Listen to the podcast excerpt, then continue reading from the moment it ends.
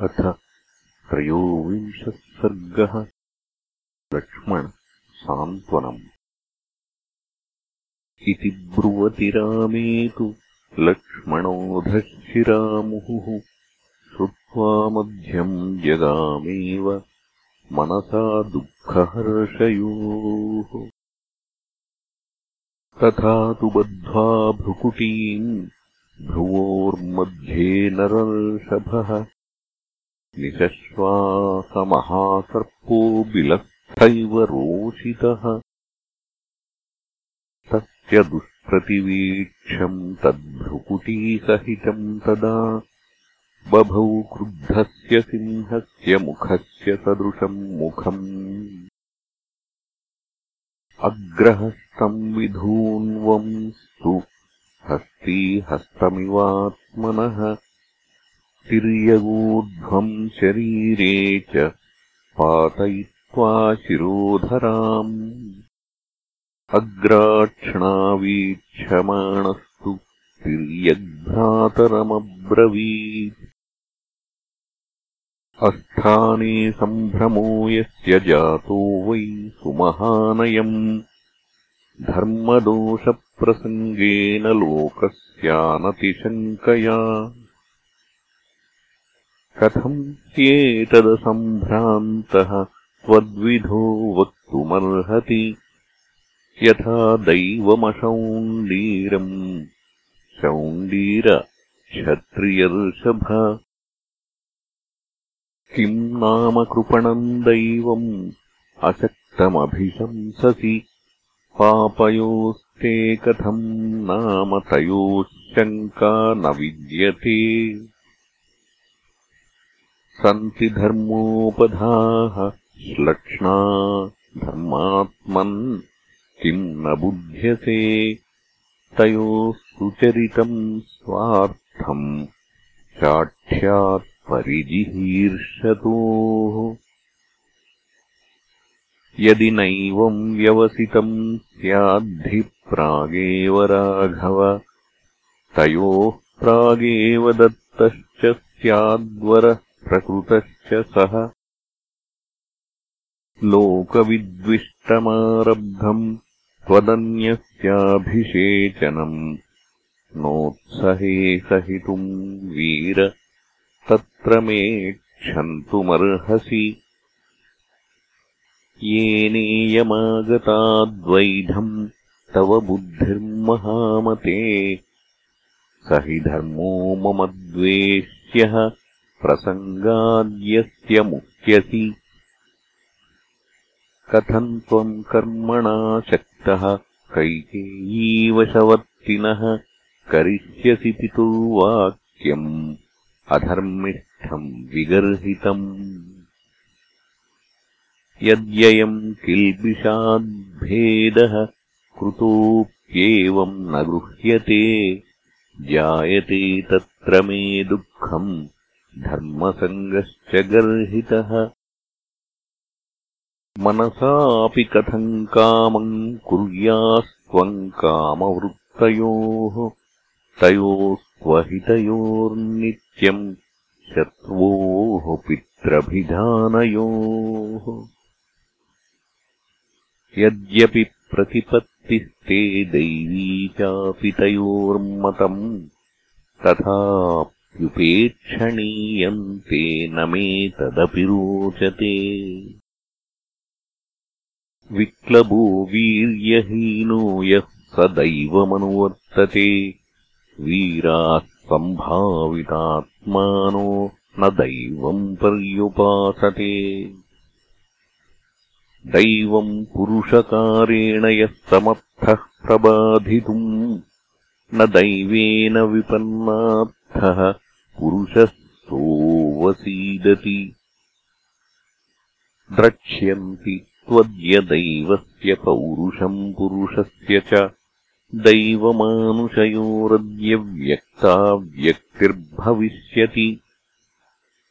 अद्य मत्पौरुषहतम् दैवम् द्रक्ष्यन्ति वै जनाः। यद्दैवादादहन्तेद्य दृष्टम् राज्याभिषेचनम्। अत्यङ्कुशमिवोद्दामम् गजम् मदबलोद्धतम्। प्रधावितमहम् दैवम् पौरुषेण निवर्तये। लोकपालाः समस्तास्ते नाद्यरामाभिषेचनम्। न च कृत्स्नास्त्रयो लोका विहन्युः किम् पुनः पिता? यैर्निवासस्तवारण्ये मिथो राजन् समर्थितः। अरण्ये ते विवत्स्यन्ति चतुर्दशसमास्तथा। अहम् तदाशाञ्छेत्स्यामि पितुस्तस्याश्च या तव अभिषेकविघातेन पुत्रराज्याय वर्तते। मद्बलेन विरुद्धाय न स्याद्दैवबलम् तथा प्रभविष्यति दुःखाय यथोग्रम् पौरुषम् मम।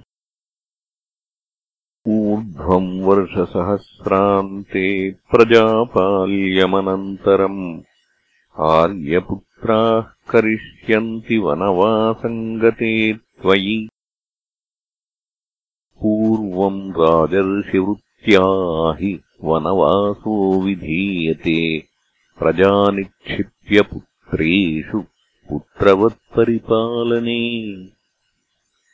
स चेद्राजन्यनेकाग्रे राज्यविभ्रमशङ्कया नैवमिच्छसि धर्मात्मन् राज्यम् राम त्वमात्मनि।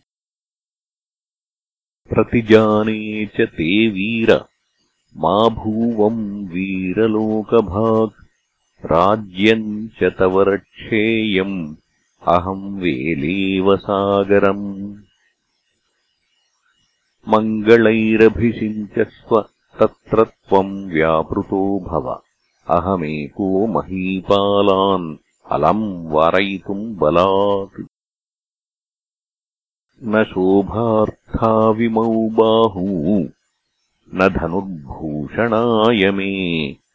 नासिराबन्धनार्थाय न शराः स्तम्भहेतवः। अमित्रदमनार्थम् मे सर्वमेतच्चतुष्टयम् न चाहङ्कामयेत्यर्थम् यस्यात् शत्रुर्मतो मम। असिना तीक्ष्णधारेण विद्युच्चलितवर्चसा। प्रगृहीतेन वै शत्रुम् वज्रिणम् वा न कल्पये। खड्गनिष्पेषनिष्पिष्टैः गहना दुश्चरा च मे। हस्त्यश्वनरहस्तोरुशिरोभिर्भविता मही खड्गधाराहता मेद्यदीप्यमाना इवाद्रयः पतिष्यन्ति द्विपा भूमौ मेघा इव सविद्युतः। बद्धगोधाङ्गुलित्राणि प्रगृहीतशरासने कथम् पुरुषमानी स्यात् पुरुषाणाम् मयि स्थिते बहुभिश्चैकमत्यस्यन्नेकेन च बहून् जनान् विनियोक्ष्याम्यहम् बाणान् नृवाजिगजमर्मसु। अद्य मेऽस्त्रप्रभावस्य प्रभावः प्रभविष्यति। राज्ञश्चाप्रभृताम् कर्तुम् प्रभुत्वम् च तव प्रभो अद्य चन्दनसारस्य केयूरामोक्षणस्य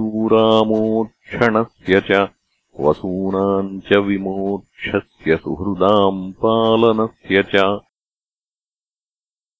अनुरूपाविमौ बाहू राम कर्म करिष्यतः अभिषेचनविघ्नस्य कर्तॄणाम् ते निवारणे ब्रवीहि कोद्यैव मया वियुज्यताम् तवासुहृत्प्राणयशः सुहृज्जनैः यथा तवेयम् वसुधावशे भवेत् तथैव माम् साधितवास्मि किङ्करः। विमृज्य बाष्पम् परिसान्त्यचासकृत् स लक्ष्मणम् राघववंशवर्धनः उवाच पित्रोः वचने व्यवस्थितम् निबोध मामेष हि सौम्यसत्पथः इत्यार्षे श्रीमद् रामायणे वाल्मीकीये आदिकाव्ये अयोध्याकाण्डे त्रयोविंशः सर्गः